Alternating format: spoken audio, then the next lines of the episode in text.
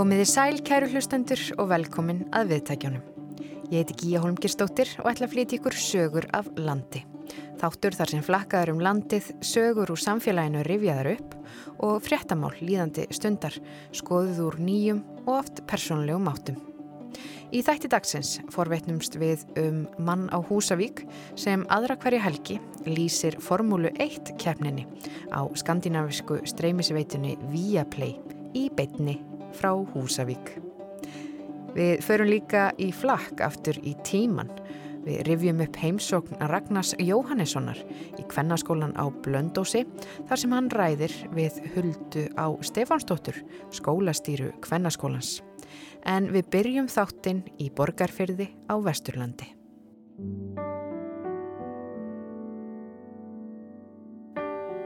Hjónin Guðrún Marja Björstóttir og Jóhann Páll Þorkelsson eru bændur á bænum Snartarstöðum í Lundarækjardal. Þar eru þau með kýr, kindur og geitur og jú, líka kartöblur. Annan júni á þessu ári mistu þau heimili sitt þegar eldur bröst út á efrihæð íbúðarhúsins á bænum. Eldurinn kviknaði út frá gamalli spjaldtölvu sem var í hlæðslu. Þau hafa orðið að búa í gardkofa með börnin sín þrjú síðan þá, með eldunar aðstöðu í gámi á hlaðinu. Nú vonast þau til að geta loks flutt í nýtt hús á næstu dögum. Elsa Maria Guðlöks Strífudóttir, fréttamaður, hitti Guðrúnu og Jóhann sem sögðu henni frá atbyrðarásinni, allt frá brunanum og til dagsins í dag. Um, ég ætla kannski bara að byrja þið landið því hræðilega aðtöki í voru að það verður eldsvoði hér, getið kannski bara aðeins líst því hvað gerðist? Uh, ég vakna svona um fimmleiti um nótt og við tík sem við eigum svona með kvolpaðin í forstofu og hún geltir alveg eins og brjólaðingur og hún er nú svo sem svo litið fyrðulega en hún er nú ekki vann að láta svo leis þannig að ég fór að aðtöfa með hana og þá einmitt fann ég brunalíktina og kiki svo að þetta fer upp því að ég sá bara reik koma af öðri hæðinni. Og þá sé ég bara koma reik út úr söfnirbygginu hjá eldri stelpun okkar. En hún var sem betur fer hérna út í kofanum með ömmu sinni. Og yngri stelpan hún sagt, átti líka herbyggi uppi en á því hún fór í fílu verði að fá ekki gist í kofanum með eldri sýstur sinni og ömmu og þá fór hún í fílu og sopnaði rúminu okkar niðri. Þannig að hún var sem betur fyrir líka á neðri hæðinni. En svo hleypi ég bara niður og, og veki Jóhann og við tökum Arnfríði og, og Björn og hlaupum með því út í kofa og vekjum tengda með mig greið sem fekk alveg áfall. Og, hérna, og reyna bara brindu fyrir henni að vera bara inni og meðan við hlaupum aðtöðu þetta betur Svo fer ég upp hann á efri hæðina. Þegar við erum búin að koma krokkanum út og Já, aðtöðu þetta betur. aðtöðu gott að segja hvað þetta komast fyrir þetta meðslökkutæki sko. Og og ég opnaði hurðina hjá að því reikunni veitist koma út úr þérbyggi og já, opnaði þetta opnaði hurðina. Og þá kemur bara svona reikskí á móti. Svo það var svona ástæðilust að reyna sko, já, reyna að slökka einu litlu slökkutæki að sást það bara strax að það aldrei gengi. Já. En svo dætt mann í huga að bjerga einhverju saumavill hann upp í einhverju gammalli. já, ég veit ekki alveg það var bara einhvern veginn svona sem hann dætti í hug. Dröslaði gömlu fótstegnu saumhörlinir og ömmumilar og eftir sér niður. Já. en svo ringi ég í, í hérna neyðalínuna og og hérna og svo erum við að reyna að drösla út eitthvað dóti sem eins og við gátum við náðum að grípa aðeins og fötum af, af litlistráknum og aðeins af yngri stelpunni. Líka og svo drefum við að koma út hundunum. og, líka tíkin og kvolparnir og... já, það er, það er meira mau sem maður heldur að koma út sex litlum kvolpum á þess að missa þá en það hafðist. Glemdu tíkin okkar í, á pallinum líka hún var búin að vera þar í allan, allan daginn svo, já, já hinn er tíkinni. Já. Já, þannig að við erum alltaf eigum nokkra hunda þegar við notum það mikið í, í kindunar og smala og svona. Mm -hmm. Þannig, og þeir voru náttúrulega ekstra margið þarna þegar við vorum lilla kolpa en þetta hafði snallt og svo hljóp maður hann eins og hausljus, hausljus hæna og vissi ekkert hvað maður átt að taka og hvað ekki og Jóhann hljóp út með óhrinnatögið það er ekki að fyrsta sem ég hefði tekið. En í staðin þá vorum svo betur fyrir ykkur föt okkur í því þannig að Mæli ykkar veit ekkert hvað það nei, er. akkurat í þessu ástand þá veit maður ekkert hvað er merkilegt eða eitthvað sem maður langar að eiga. Bara Við- tekur svona það sem er svona næst hendi og já, já, við greipum bara eitthvað hlupum út og svo kemur pappiðinn og, já, pappi er og lokar húsinu. Pappi minn er stöðvarstjóri á slökkuliðinu á Hvanneri og Björn hann, hann fær útkall og kall greiði sko, hann alltaf fær sem sagt skilabóðum að uh, þessi bruni á snartastöðum og að fjórir hafi komist út. Og hann vissi náttúrulega ekki að eldri stelpunum var út í kofa. Þannig að hann var alveg í paniki kall greið örugglega aldrei verið að fljótur á milli. Þannig að hann var komin hérna bara eftir smásnund sko. Og hann fær útkalli bara meðan ég er ennþá að tala við neðalínuna sko. þannig En þeir komist öll undan. já, já, já, betur fyrr. Og reyndar uh, annar kötturinn okkar við lengi vel vorum við ekki viss hvort hún hefði komist út eða ekki. En svo sáum við hana en hún er alveg ljónstygg greið eftir þetta. Já. þannig að, að hún er nú heldur til í fjósinu greið en vill helst ekki tala við neinn. En við allavega náðum að sjá að það var allt til að miðana þannig að svo þegar nýja húsi verið komið þá ups, verðum við sannilega bara veiðana í, í svona minkakassa og, og reyna að gera hana gæfa aftur. Ef hún þorir að vera inn í ræfilin svo kemur slökkulið já, mér fannst þér óbúslega lengi á liði já, en þannig að kannski manni fannst þetta einhvern veginn ganga svo hægt en þeir voru óbyggilega ekkert lengi á liðinni þeir voru, ég veit ekki hvaða líður langur tími. Nei ég manna það ekki heldur En það er nú kannski ekkert skrítið að þeir eru bara að grípa eitthvað og, og þeir eru náttúrulega bara í sjokki, bara miði nótt og eldur og... maður var alltaf vaknaður einhvern veginn og já, bara drífa sig út. Þannig að svona einhvern veginn já. Eftir á það hefði, kannski, maður, hefði maður kannski gert eitthvað en maður, ég veit það samt ekki. Þannig að það allavega slupp allir út betur fyrr og, já, já. Og tíkin kemst upp með ýmslegt svona því hún vakt okkur nú ég veit ekkert hvernig hvernig það hefði farið hún hefði ekki vakið okkur. Ég var aldrei vörður við reykskinnir það var samt reykskinnir uppi. Já, já. en ég veit ekki hvort hann hefur verið bilaður eða ég bara En við kannski uh, eldurinn kviknar og, og, og húsið er bara ónýtt eftir á. já, reyndar voru tryggingandar ekki alveg saman okkur til að byrja með þetta er sem sagt, það var uh, hús sem var hlaður úr Holsteini og byggt 57 þannig að það var svo sem ekkert alveg nýtt. En uh, efri hæðin brennur svona megninu til og náttúrulega svona gömlu húsi það var einangrað með spæni. Og uh, við náttúrulega erum þriðja kynnslóðin í minni fjölskyldu sem býr í þessu húsi. Og allskinn stóti í, alls í veggjum náttúrulega svona, já, geimslur inn í vegg og svo geimsla upp á lofti sem að sko, ég hefði ekki eins og séð inn í enda á henni nokk tíman, þannig að maður vissi ekki eins og hvað var hann inni. Dagböðin í það veggjum var alls konar bækur tímarit og, og, já, gömul tímarit og dagblöð og eitthvað sem að mátti ég náttúrulega ekki henda. Nei. en þetta náttúrulega bara föðrað upp. Þannig að, að þetta er sko fljótt að brenna fannst manni. En sko neðri hæðin uh, er náttúrulega meira ónýtt þar út af raka, náttúrulega bleitu og óbúslega sótskemtir svo mikið sót.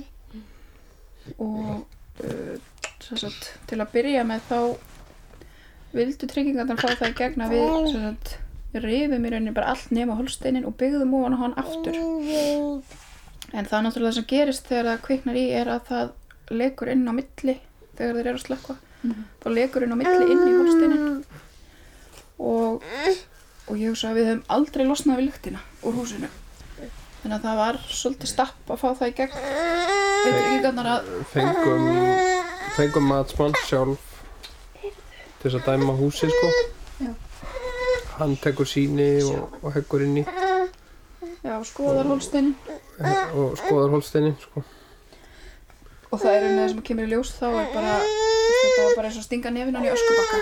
Þegar maður opnar inn í veginn Æ, mátt ekki vera reyður og en það svo sagt já þegar það er svo sagt mánuði liðum frá brunanum þá uh, vorum við búin að fá þannig matsmann og hann skilaði svo sagt greinagerð sem við sendum á tryggingafélagið.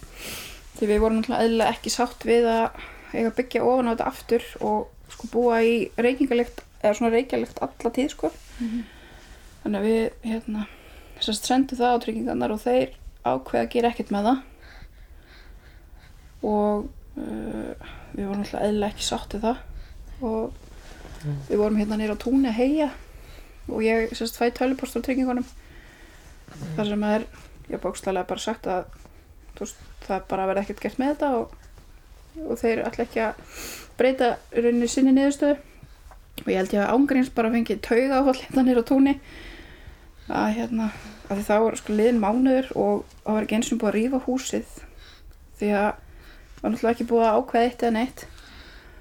Og þetta náttúrulega lyktin hérna á hlaðinu var alveg hróðaleg Já, og húsið var ennþá sko Já, náttúrulega bara, við máttum náttúrulega ekki rífa það því að þeir vildu láta okkur byggja Nei, það var ekki takt að gera neitt sko. En já, þá hérna það er mánuði liðin þá, og við erum búin að fá þetta svar og, og ég er búin að jafna mig á þessu taugafalli þannig nýra á túnni og við erum búin að ná saman heginu þá uh, skrifa ég svo á Facebook því að nú voru svo margir að fylgjast með og, og alltaf að spyrja hvernig, náttúrulega við hefðum það og hvernig gengi. Já, þannig að ég skrifa þannig á Facebook bara í rauninni hvernig staðan væri. Og eftir það fengum við nú aðstóð svona hérna og þaðan. Og það er rauninni bara í gegnum hálfgerða krókaliðir sem að þetta fer sem sagt aftur í tryggingarnar. Alltaf heyrðum að það líka að það farið fólk niður og hótaði að segja svo úr. Það var einhver sem fór og skammaði þau hérna á- hjá tryggingunum í borganessi en, og, en þau náttúrulega hefði ekkert með þetta að gera og Nei. rauninni stóðu sér mjög vel að því allir sem að snýrað okkur sko. en, en hérna veginn þegar þetta fer söðurleðina Já, svo sem sagt, hvað, deginu senna eða tveimur var allavega ekki langur tími sem leið. Nei. og þá allt í einu var hægt að skoða þetta þessa skýslu frá matsmannum okkar. Og þá allt í einu er þetta allt öðruvísi. Og þarna í raunin er þetta ekki sko ekki há upphæð sem að strandar á. Þetta er ekki nema einhverja 2 miljónir eða eitthvað sem við bættu við. Eh, þetta er allavega einhvert smáttir í og, og hérna en bara það í raunin að fá leiði til að rífa húsið en vera ekki skildu til þess að byggja á það aftur það er náttúrulega hjálpaði okkur mikið því að það hefði aldrei verið hægt að búa þarna með börnin í þessari reykjalegt sko. Nei, og ég við bara aldrei búið um upp á það þannig að, að ég veit ekki alveg hvað maður hefði gert þá Thomas. En þannig að samfélagið svona fylgir sér liði í Já. kringum ykkur. heldur betur og maður er eiginlega séð það líka bara ótrúlegsta fólk sem að hefur haft samband og hjálpa manni og bóðið fram aðstóð já, já, það er bara þetta er mjög gott samfélag sko, sem heldur svona um alla Svona, já, já, maður sér það svona og einmitt ímislegt gerst bæði eftir að þetta gerðist og maður sér einmitt að það er allir, allir tilbúinir að hjálpa En þið eru þá þarna þó nokkuð lengi í þessu stappi og það er ekki fyrir en eftir það sem þið getið ferðið að huga að næstu skrefum. Hvernig, hvernig búið þið um ykkur sjálf? Þið eru húsnæðislaus. já, við uh, Keirtum kofa bet, já, fyrir hérna sko áður eða fyrir þetta náttúrulega. Já, við áttum hérna 15 farmetra svona garðhús sem að við notum já, meðan það voru túristar hérna þá, þá hérna seldum við lópapeysur og svona ýmslegt handverk og eitthvað þannig að Handverksbúð og svo, svo var móði mín fekk að gista þarna svo þegar hún kom. Þannig að við bara pökkuðum niður öllu ölladóttiru og, og gæranum og, og hérna fluttum í kofan já, og bróðir minn útvegaði okkur svo íbúðagáminn sem að við höfum notað sem mötuneyti og svo höfum við hlaupið á klósetti hérna í næsta húsi. Það verður mjög gott þegar maður kemst í hús með klósett og hlaupunbyggja á saman stað. Það verður mjög þægilegt. Já hann að þurfa að fara út og hlaup á milli hérna eins og ég veit ekki hvað. þannig að en þetta er svona, já, þetta þetta sleppur en ég mæli kannski ekki sérstaklega með því að búa 5 í 15 förmetrum og einum gám. Það er svona það er, mér langar allavega ekkert að gera það mikið lengur. Svo að skólinn byrjaði þá að stelpunar verið bara hjá þeim og afa. já, það er það var verið hjá, sko. hjá þeim neyri í bæjarsveit. Og skólabílstjórun hefur nú alveg bjargað okkur tekur þar ímest hér eða, eða þar niður frá. Og, er svo almennlegur að fara með yngri stelpuna í leikskólan fyrir okkur líka þannig að og sem betur fyrir það nú á sama stað og skólinn það hefur hjálpað okkur alveg ótrúlega mikið og bara líka að fá rútínu fyrir þær. Já. þetta er náttúrulega búið að vera í lausu lofti hérna alveg síðan í vor. Og þær lungurnar þreyttar á þessu. Það er þrá alveg nýtt hús bara og Já. sína rútínu aftur sko. búin að velja 15 liti í herbyggin sín og ég veit ekki hvað. Ég held að sé nýri litur í hverju viku. Þannig að þær eru mjög spenntar að komast aftur í, í svona almennilegt húsnæði. Og nú eigið þið það að geta flutt inn í nýtt hús. Já, það er allavega stytt í það. Við, hérna, smiðinni verða hjá okkur núna allavega út þessa viku. Og, og við höfum nú reynd að flýta fyrir þeim eins og við getum. Og reynd að gera eins mikið og gátum gæst sjálf. Og við ákveðum að, sérst, við erum að byggja aftur tveggja heiða hús. Og við ákveðum að geima efri hæðin í bíli bara til að komast inn klára sem mest niðri og ég er að vona að við getum flutt inn í næstu viku þá allavega inn í eitt herbyggi vonandi verður komið klósett þannig að standardin er ekki mjög hár þessar dagana Íparinn allavega kemur á morgun. já það er allavega ekki, er ekki háar kröfur Nei, það er, nú eiginlega alltaf verða betra eldur en þessar vistaverur sem maður er í. já alltaf farið að kólna og maður finnur það alveg í kofanum hann er Það- ekki einangraður Það var fínt í sumar að vera í garðs- garðskólan sko. Það var alltaf notalegt sko. En hún er bara að koma vetur og, og eðlilegt það að vera orðin langauður að komast inn í húsi. alveg. farið að kólna og maður finnur það bara Tíðin er nú líka búin að hjálpa okkur alveg rosalega sko. Það er búið að vera hlýtt núna alveg. og ekkert snjóað Nei. þannig að þetta hefur við hefum verið mjög heppin hvað það var þar Þetta getur verið mun verra heldur en, já, já, já heldur en það er. En hvað er svona, eh, þetta hefur verið engin smá þraut að ganga fyrir ykkur og fjölskyldan ykkar, en að hvað er það svona sem þið takið með ykkur eftir þetta? það er alltaf bara já, það er kannski þarf að passa að vera ekki svona kærljus með brunamáli það er alltaf að verða góðir reikskinjar í öllum herbyggjum í nýja húsinu Reyna að Og- dæla slökkutækjum líka og svona. Og spá, við erum Já, bara að spá í með eldvarnaveggi líka svoleiðis, ég svona líka eins og með börnin bara að, eldvarðarplötur. að ræða við sko krakkana hvað maður á að gera ef þetta gerist. Og því maður er náttúrulega alltaf í þeim pakkanum að þetta kemur ekki fyrir hjá mér. Og svo bara gerist þetta og maður er stendur hérna á náttbúksunum þannig að, að ég held að maður þarf svolítið bara að já, velta þessu fyrir sér og bara ef, ef þetta gerist hvað ætlar að gera? Til dæmis ef þær hefðu verið á efri hæðinni og ég fór einmitt að hugsa það svona eftir á og þá er bara sagt, á einum staði í rauninni hægt að komast út. Annar staðar heldur en niður stigan og uh, það er náttúrulega eins og það herbyggi varð mjög fljótt alelda þannig að, að þá hefur að komast einhvern veginn inn öðruvísi. En maður svona, já, maður spáir náttúrulega ekkert í þessu dagstælega því maður er ekkert að vonandi ekki upplifa þetta oft en það er betra að vera búin að spá í þessu fyrirfram heldur en að sjá eftir því eftir á Já, það er svakalegt allavega sko. maður En maður er náttúrulega- líka mínútu setni eða eitthvað svo leiðis líka með eins og Já. mannslíf sko. og, og kannski rauninni svo eftir þetta sjokki kom ekkert fyrir eftir nokkra daga þegar maður fór að hugsa sko náttúrulega alltaf þetta, hvað ef Já. þá veit maður alveg bara já, eins og maður er verið kýldur í maður þannig að við náttúrulega vorum ótrúlega heppin og Já, alveg bara bara heppin að tilviljanir og tilviljanir ofan að enginn var uppi. Já, þetta er alveg ótrúlegt. Þannig að sem betur fyrir þá voru stelpunar ekki uppi. Við náttúrulega, við vitum ekkert hvernig þetta farið ef þær hefðu verið þar. Og maður kannski vill ekkert endilega hús út í það. Nei, alls ekki sko. En nú sjáu þið bara fram á flutninga og hver eru svo næst skref? um, allavega kom okkur fyrir. Og svo koma okkur aftur í rútinu líka það er svolítið bitnað bara svona á búskapnum líka svolítið svona það er þetta vissin doldi margt sem að stóð til að gera í sumar sem er eftir. Þannig að maður er vonað að veðri verið til friss þannig að maður ná að klára allt sem átt að gera. Svo ríkum maður svolítið svona bara í, í verkin þannig að- klára bara þetta þetta allir séu all, allir skefnur séu svona sáttar og svo situr allt hitt á hakan svona. já, það er svona ímislegt sem er eftir Takk fyrir að spjalla um mig um þetta. Já.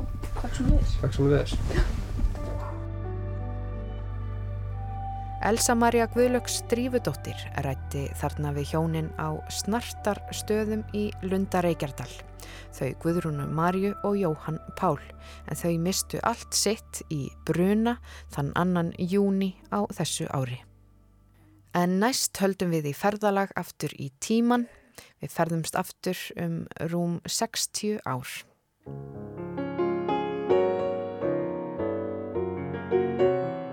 Við förum í fylgd með Ragnari Jóhannesinni þegar hann heimsækir kvennaskólan á Blöndósi og ræðir þar við skólastýruna Huldu á Stefánsdóttur. Við talunu var fyrst útvarpað 3. april 1959.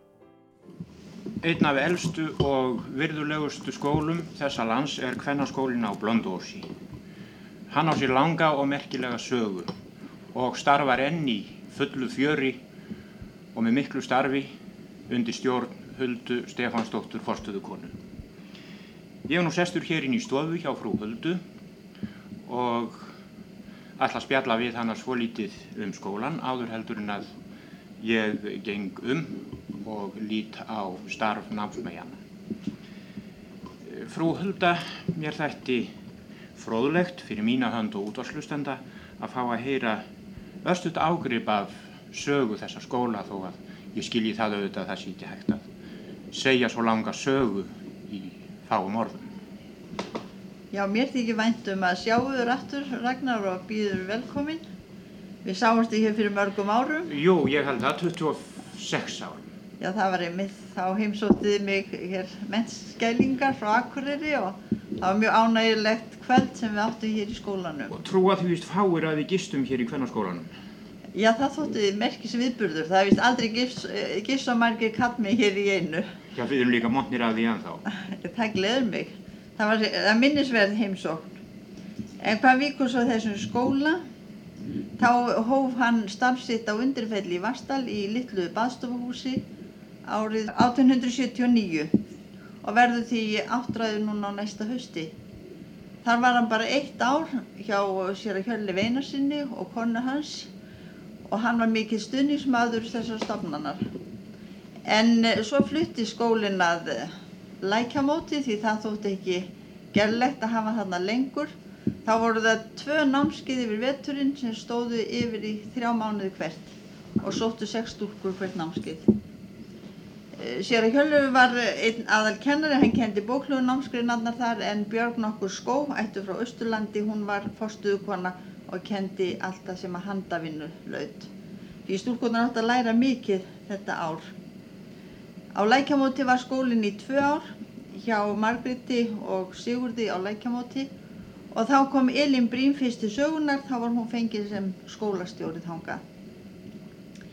Henni fannst að uh, hún var að vera fær um það að taka við þessu starfi að hún sagði sjálf og var þessum ekki nema tvö ára á lækjamóti en fór þá utan til að afla sér frekari mentunar og þá var skólinn fluttur á Hofi í Varstal árið eh, 1882 og hann var þar í eitt ár og þá var farið að hugsa um að flytja hann aftur því að þar voru heldur ekki nema lítil húsakinni en margar stúlkur sóttu skólan eftir því sem þá var um að gera og þá var hann eh, fluttur um haustið 1883 að Ytrey og þar starfaði hann samfleitt þangað til 1901 að hann fluttist til Blöndós og var byggður hér á Blöndubökkum. Frú Elin Brím hún kom að skólanum á Ytrey og var þar skólastýra 1883 til 1895 en þá gift hún sig og flutti söður og var þá skólinn að sjá af henni um stundarsakir Eh, Hann var, eh, hann vann miklar, var mjög vinsæll á Ytrei og það sóttu hans skólan margar konur allstaðar að af landinu. Og ég hef, hafði gaman að því að núna fyrir þremur árum þá kom stúlka austan úr Múlasíslu og hún sagðist þegar ég spurði hvernig stæði á því hún hefði komið hinga. Já það stóð nú svoleiðis á því að amma mín hún var á Ytrei og hún sagði alltaf við mig að ég ætti að fara í blöndurskóla. Því vitaskuld var það sami skóli þó hann væri fluttur hingað að, blönd, að, að blöndósi. Nú svo var hann fluttur hingað 1901, þá var byggt hér hús því þá var orðið á lítil húsækin á eig og það þótti líka hendur að hafa næst sjó þar sem aðdrættir voru erfiðar á eig og hann var svo hér í nýbyðu skólahúsi frá 1901 til 1911 en þá brann það skólahús. En húnvenningar vildu ekki sjá á skóla sínum og þeir byggðu hann strax upp aftur Svo leiðis að ári síðar þá er aftur farið að reysa hjá skólahús og 1912 er aftur flutt í nýjan skóla og, og, var, og er ennþá verið í honum.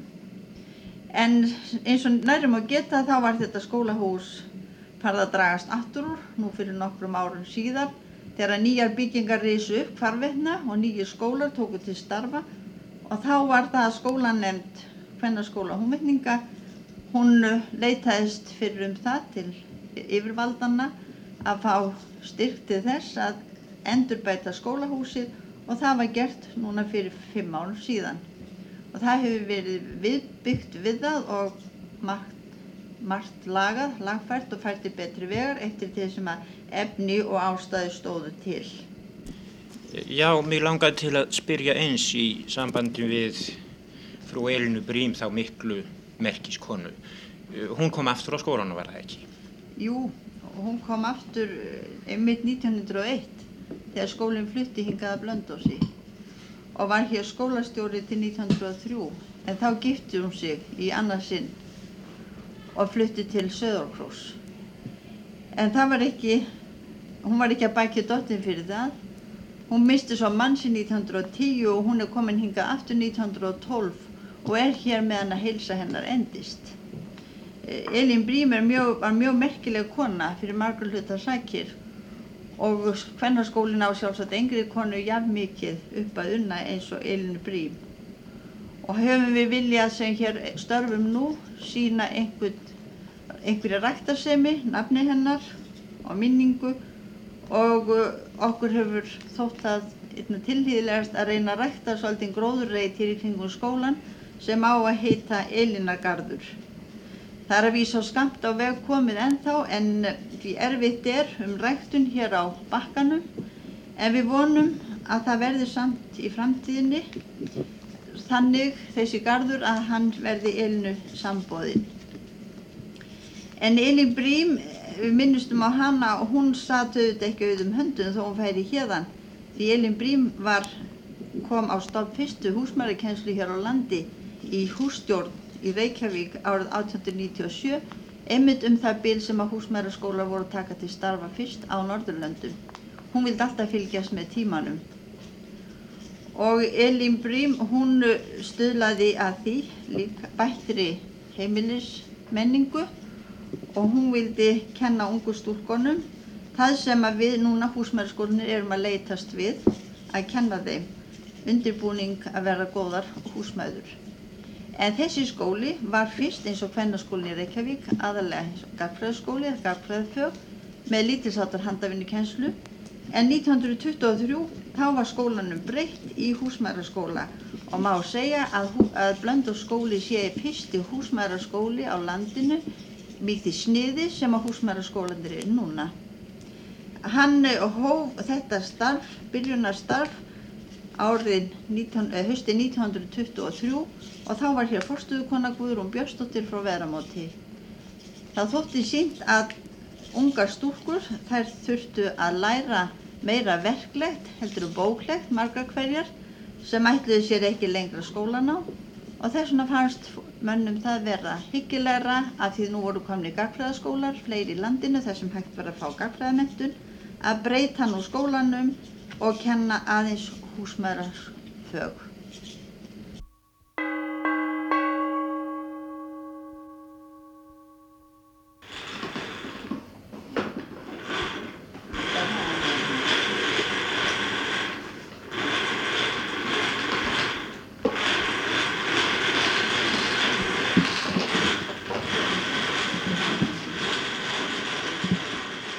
Nú leiðir frú Hulda mig í hallega stofu en ákálega sérkennilega. Þetta er engin venjuleg dagstofa, heldur er hér sé ég óðar á ég kem í dittnar að hér er fullt af fornum og merkilegum þjóðlegum munum. Hér sitja stúlkur og þeita rokk. Ég þarf orðið sjálfgeft frú Hulda að sjá stúlkur við rokk. Þið Já. kennið þetta ennþá eða hvað? Já, ég er að reyna það. Ég vil helst ekki að rokkandi þagni með öllu á Íslandi og þess vegna hef ég verið að reyna að halda þessu svolítið við hérna í skólanum. Það haldið ég nú að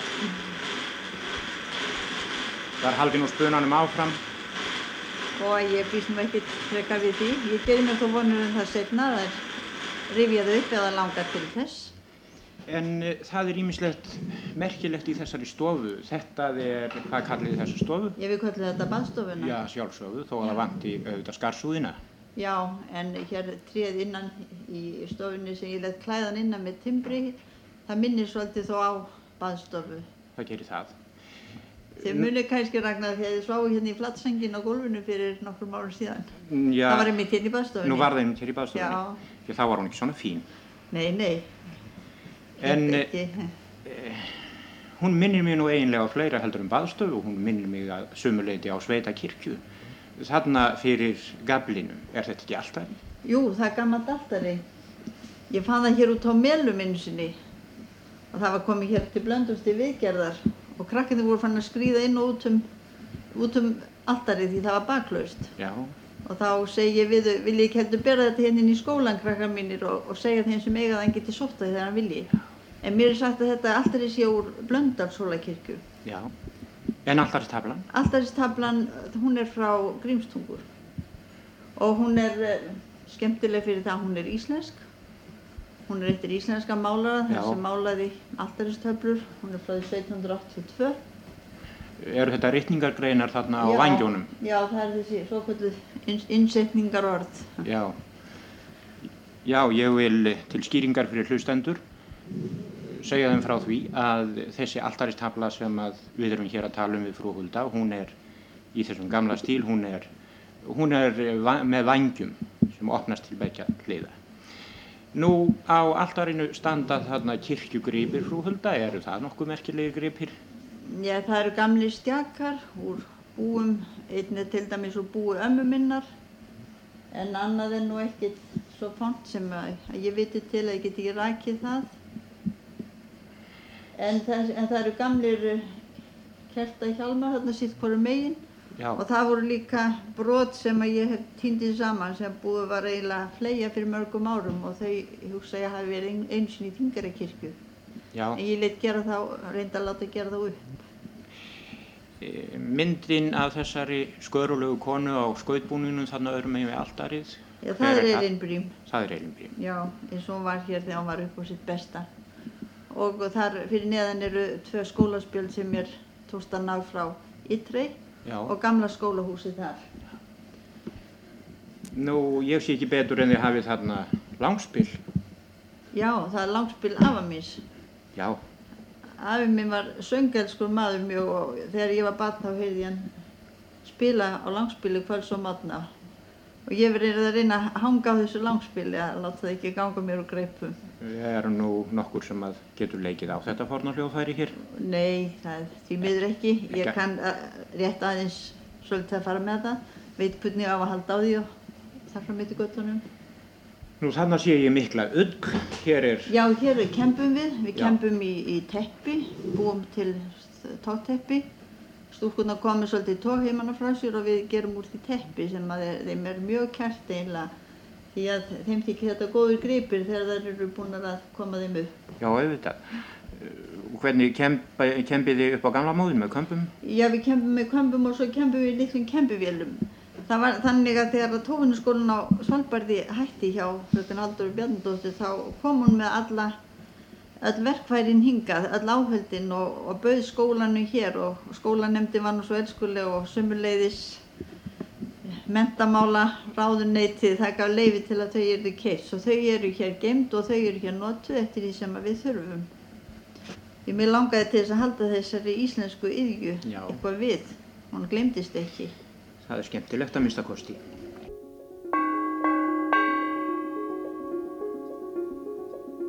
Við hlustuðum þarna á viðtal Ragnars Jóhannessonar við huldu á Stefánsdóttur skólastýru Kvennaskólans á Blöndósi. Efninu var fyrst útvarpað 3. april 1959. En næst höldum við til Húsavíkur. Hinrik Völer starfar sem forstöðumæður Húsavíkurstofu en Húsavíkurstofa sér um markaðs- og kynningarmál fyrir sveitafélagið. En Hinrik er ekki bara forstöðumæður Húsavíkurstofu því aðra hverja helgi lýsir hann formúlu 1 á skandinavísku streymisveitunni Viaplay í beitni útsendingu frá Húsavík. Úla Árdal hitti Hinrik og spjallaði við hann um þetta spennandi aukastarf. Hér er síðan yfirleitt yfir brautina, tæpla 5 km lang braut, 19 beigur. Verstappen liðin á Hamilton, Verstappen komin undan. Og þú situr bara hérna á skrifstofinu og lýsir þessum keppnum eða? Já, ég er með búin að setja upp þessa ágættu aðstöðu hér. Uh, Þannig að ég er með þannig búnað fyrir fram mig þar sem ég tengist á stúdjónu í Kaupmannöfn. Þannig að ég er með danska tæknimenn uh, í hertantólunum sem og við förum bara af stað með þetta. Og eins og ég sagði á hann þá, ef það er eitthvað tækni vandamál uh, mín meginn þá þarf ég að leysa þau. Og oft svona rétt fyrir útsendingar getur þetta verið stundum svolítið knaft en uh, já, já, eins og engin skaði skiður ennþá allavega. Og svo eins og er ég bara með þá þá, uh, já, keppnina hérna skj- skjám hjá mér og einnig þá aðrar upplýsingar sem ég, sem ég þarf að hafa.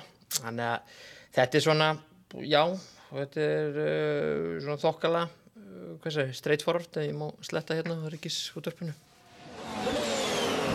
Með Kvíat, bæti tíman sinn, upp í 5. sæti. Ríkjardó upp í að fjórða.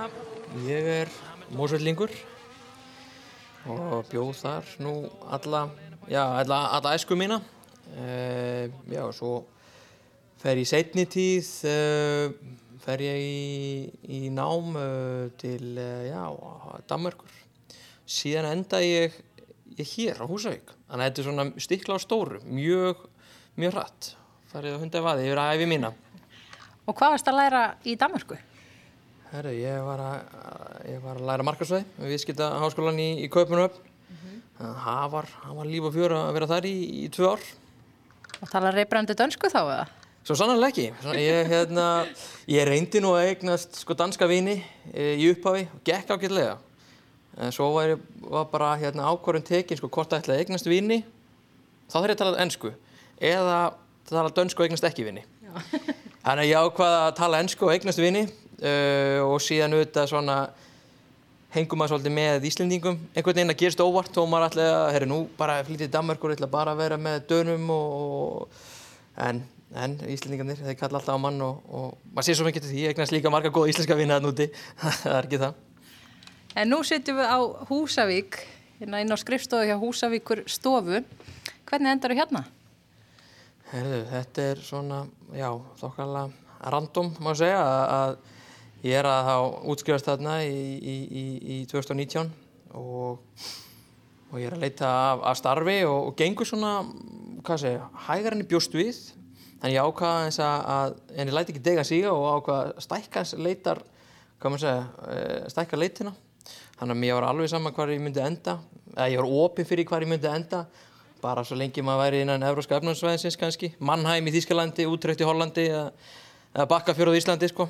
Eða svona, maður vildi bara komast í vinnu og, og, og, og henni að ég, eins og ég, enda að fá starf hérna Húsavík sem bara hérna, hendaði mér mjög vel og, og Húsavík frábær frábær uh, staður ég aldrei eins og ég, langt síðan ég man ekki hvort ég eins og komið hérna áður en ég tók vinnuna en, en En uh, já, maður ég ætla að sé ekki eftir þessari ákvörðun í, í dag.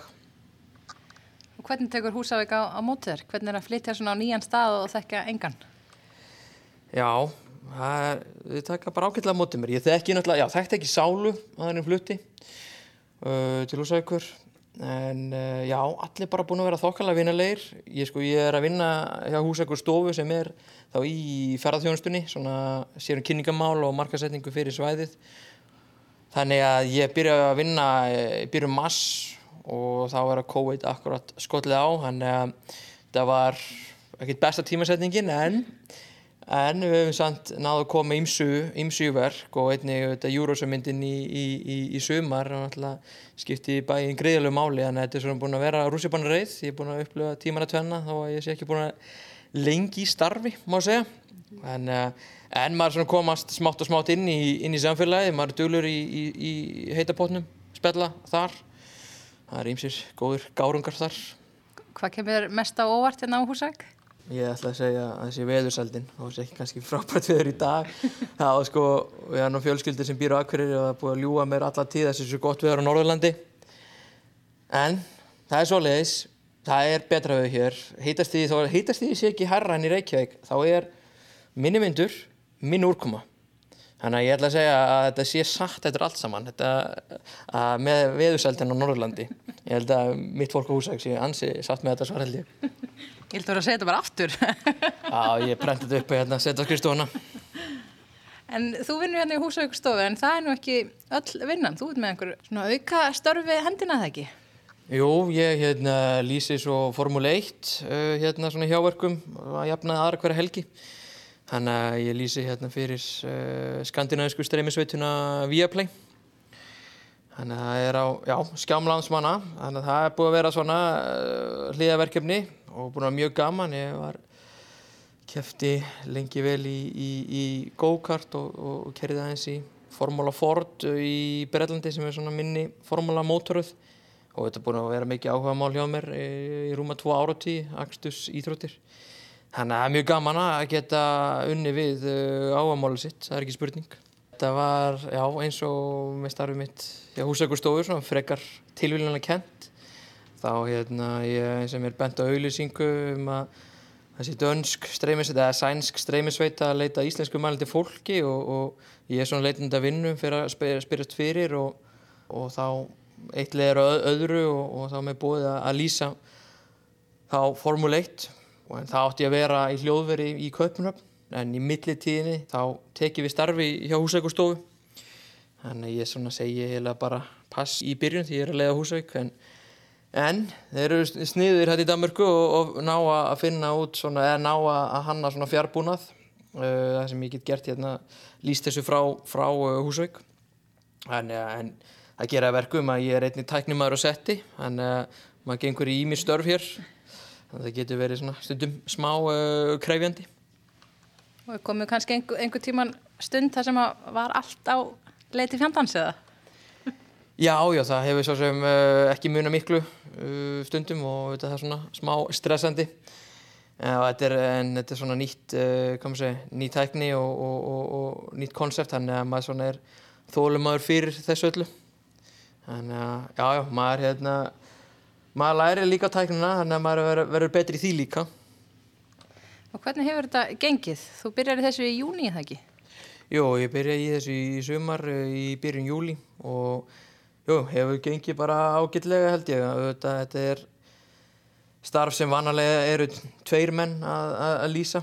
En það er þetta eina floknustu íþróttum heims. Þannig að það eru auðvitað, auðvitað kannski að koma einn uh, inn í þetta. En eins og maður auðvitað gerir mistök og lærir og svo leiðis en ég held að þetta gengur nú ágitlega og maður reynir nú að hafa bara gaman að þessu. Einstakt tækifæri að vinna við áhugamáli sitt. Stundum er bara uh, mikið að gera á, á brautinni, þá getur maður líst í. Stundum er minna að gera brautinni, þá þarf maður að fara að hérna, leita einhverjum fróðlegsmólum til að segja. Þannig að, jújú, það er svona, þetta er kannski eins og því, fókbólta, handbólta, þá er, er boltin svona á einum, einu stað á vellinum. En í, í Axtus íþróttum þá er, getur verið eins og því margt að gerast á brautinni í einu og, og, og ég er hérna sem með fjóra, fimm skjái til að fylgjast með til að reyna að ná, ná yfir, yfir keppnunar. Og er þetta, er þetta oft svo ert að lýsa?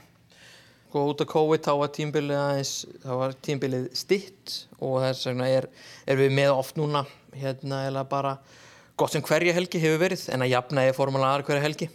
Og svo þetta svona smá undirbúningur eða þó nokkur undirbúningur sem fylgir hverri, hverri keppni. Þannig að já, mann segja svona tvist og þrísvar í, í, í, í mánu en þetta þessi, passar ágætlega við, við dagvinnuna. Og hvernig sér þetta fyrir þér þróast? Já, ég segi, ég hérna þessi svona þokkala skipulaði svona kannski kannski út, út vikuna, út mánu þá hérna þá skipuleginu ekki mikið langt, langt enn tíma en ég geti verið mætt til grímsegar þess vegna eftir, eftir þrjá mánuði þannig að ég segi ég, þetta mun örgulega þróast á einhvern góðan hátt held ég bara En hvaðan kemur þessi áhugiðin á formúlu og ökku íþróttum? Það er nú góð spurning, það er líklegt bara gegnum fæðið minn sem kefti í, í, í svona motorsportu sínum yngri árum og svo eins og margir íslendingurinn þá var þetta skjánum hérna undir lok uh, síðustu aldar þegar Mika Hakkinen og Michael Schumacher voru að berjast. Þannig að maður er á svona margar góðar æsku minningar og svo eins og ég, svo fóð maður bara inn í, í, í, go-kart. Og eins og ég kefti hérna Íslandsmótunni í einhver fimm ár og, og já, svo aðeins erlendis. Þannig að það er svona það svona hefur, já, áhugin hefur haldist gegnum öll þessi ár en auðvitað er svolítið dýrt sport, ég held að ef þú vilt vera miljónamæri ykkur þá þá byrjar við með miljard og ferði í motorsport, þá endur við með miljónir þannig að þetta er svolítið eins og ég maður þarf að vera svolítið hérna, committed og vera með mikið pening meðlega handana þannig að kannski svolítið erfitt að eiga langan og farsælan feril í, í þessu sport en, en þetta er ótrúlega gaman að, að fylgjast, fylgjast með þessu Þú keftir Erlendis, segir mér alls frá því. Já, ég átti að næsku draum að keppa í svona hvað maður segja, open wheel racing eða svona sem svipa til Formule 1 bíla bara mun kraft, kraftminni bílar þannig að Formula Ford 600 þetta þannig að keppnin fóð fram á Brands Hatch sem var keppt í Formule 1 á sínum tíma það fyrir þó nokkur árum sín ára, nokkrum árum síðan. Og þannig að þar hérna já, tók ég þátt í, í, í nokkrum keppnum þar og, og frábær, frábær einsla mjög gaman að en auðvitað líka svona afar krefjandi verkefni fyrir lítinn kallið sem mig að fara út á, á brautina án þess að æfa mig með mönnu sem hafa verið að, að, að keira þessar, þessi drilltæki í já, já, þó nokkur ár. Hvað varstu gammal þannig? Ég var, já, 22 já, 22 þá. Þannig að hérna hann er maður þessi, það var já, en þetta var mjög, mjög gaman að, að, að prófa þetta og aldrei að vita en ef maður gerir eitthvað meira af þessu í framtíðinni. Segja vera að vera að keppa í, í, í go-kart í, í Breitlandi það er náttúrulega eins ódýrar en þetta Formula Ford. Uh, en það er aldrei að vita ef ég, eins og ég ef ég uh, hérna, finn einhverja gullnámi hérna í Húsækufjalli þá klála kannski þá tekum maður þátt í þessu aftur. Þetta getur verið einn af framtíða möguleikonum hérna á Húsæk þá hérna gullnáman að kappaksturinn Já, kappaksturinn Já, kappaksturinn, já uh, hérna, já, ég spurning hvort ég heyri honum Kristjáni, sveitarstjóra og, og kannski legg til að við setjum hérna góða kappastursbraut á Húsavík. Ég held að það væri eitthvað. Ég ólíklegt að fá það í gegn en ég meina, sakar ekki að reyna að hérna að mynda allan að laða einhvern hóp til, til, til Húsavíkur það er, það er ekki spurning. Sem sagt fleiri vinstri beður en hægri. Eitt TRS svæði og er það á ráskaflunum og núna förum við aftur í tíman til 2001 Montoya móti Trulli. Það var hérna, það var á sínum tíma samt, held ég svona um aldamótin. Þá var hann keft í go-kart í hvort það var í Ólagsfyrði eða og svona sögurkröki líka og þá var oft keppnir inn í bænum. Maður getur farað inn á YouTube og, og, og, og séð minnbönd af þessu. Það er alveg, alveg magna og það er kannski aðeins svona uh, raunsæri möguleiki. Þó örgulega ekkert tekið vel í það því að ég held að sé ekki tekið vel í kapástur hérna inn, inn, á sveðin en það er spurning sko hvort að maður hérna, leggja þetta fyrir hann er hérna braut hérna, með fram garðarsbrautinni og ja, ég leið mér að sofa þessu. Ég ætla, ég ætla, ég ætla að hugsa þetta En svona auku íþróttir, eiga það ekki tölvert inni á Íslandi?